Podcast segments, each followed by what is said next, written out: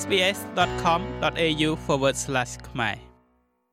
មានការព្រមានដល់អ្នកប្រើប្រាស់កុំឲ្យប្រើប្រាស់គេហទំព័រប្រព័ន្ធផ្សព្វផ្សាយសង្គមដើម្បីទំនាក់ទំនងជាមួយនឹងការិយាល័យពន្ធដារអូស្ត្រាលីឬហៅកាត់ថា ATO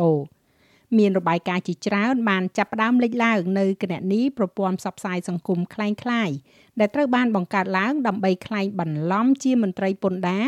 ហើយជនរងគ្រោះត្រូវបានគេបោកប្រាស់អស់ប្រាក់រាប់ម៉ឺនដុល្លារ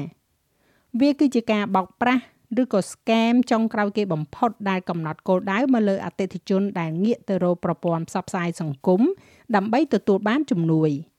គណនីដែលតាំងនាមជាបុគ្គលិករបស់ការិយាល័យពន្ធដារអូស្ត្រាលីឬក៏ ATO មិនថាជាការផ្ញើសារដោយផ្ទាល់ឬការបញ្ចេញមតិលើការបង្ហោះរបស់អ្នកប្រើប្រាស់នោះទេបន្ទាប់មកក៏បានលួចយកនៅព័ត៌មានផ្ទាល់ខ្លួនរបស់ពួកគេ ATO កំពុងតែសហការជាមួយនឹងក្រុមហ៊ុនប្រព័ន្ធផ្សព្វផ្សាយសង្គម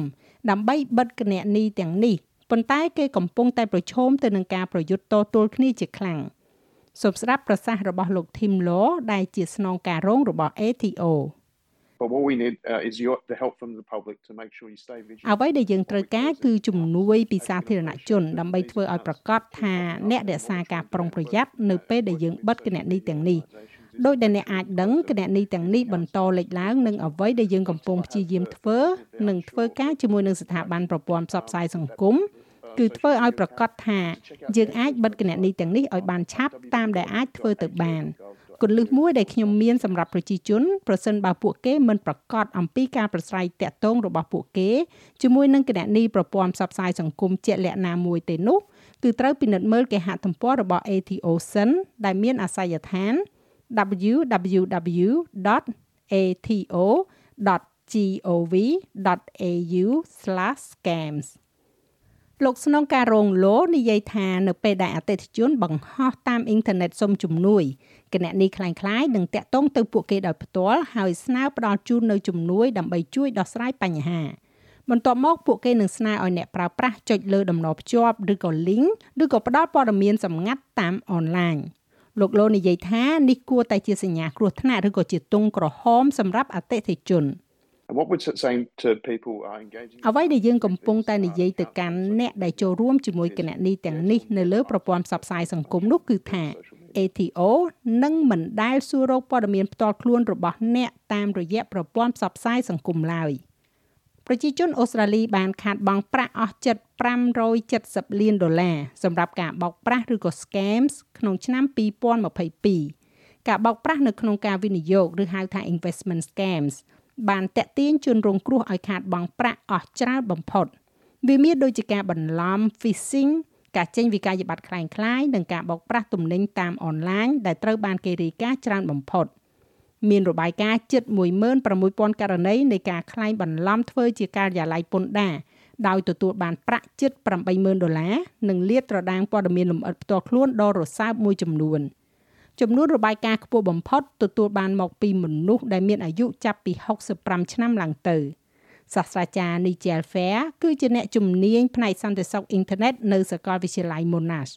លោកនិយាយថាយុទ្ធសាស្ត្រថ្មីដែលប្រើដោយក្រុមអ្នកបោកប្រាស់ទាំងនេះ បង្ហាញពីបញ្ហាប្រឈមបន្ថែមទៀតចំពោះការអនុវត្តច្បាប់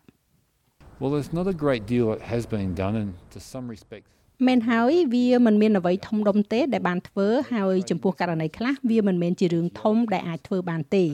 មនុស្សដែលកំពុងតែប្រព្រឹត្តអំពើនេះកំពុងធ្វើគណនី ATO คล้ายៗ នោះក៏កាន់តែធ្ងន់ធ្ងរទៅធ្ងន់ធ្ងរទៅផងដែរដោយការពិតដែលថា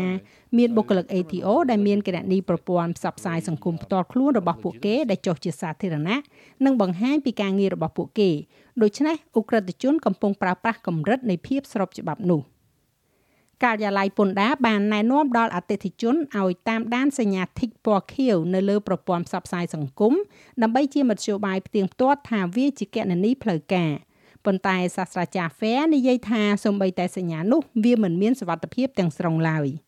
You can buy the blue tick off Twitter អ្នកអាចទិញសញ្ញា tick ពណ៌ខៀវចេញពី Twitter បាន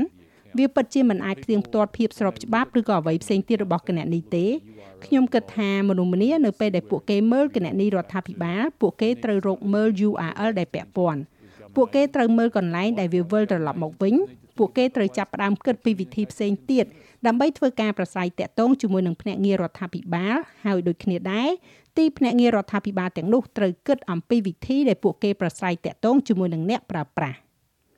ដោយរាល់ដងដែលអ្នកប្រើប្រាស់ត្រូវបានជំរុញឲ្យរក្សាការប្រុងប្រយ័ត្ននៅលើប្រព័ន្ធអនឡាញ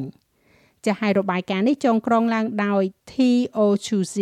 Chuzi សម្រាប់ SBS News និងប្រាយសម្រួលសម្រាប់ការផ្សាយរបស់ SBS ខ្មែរដោយនាងខ្ញុំហៃសុផារ៉ានីចូលចិត្តអ្វីដែលអ្នកស្ដាប់នេះទេ Subscribe SBS ខ្មែរនៅលើ Podcast Player ដែលលោកអ្នកចូលចិត្ត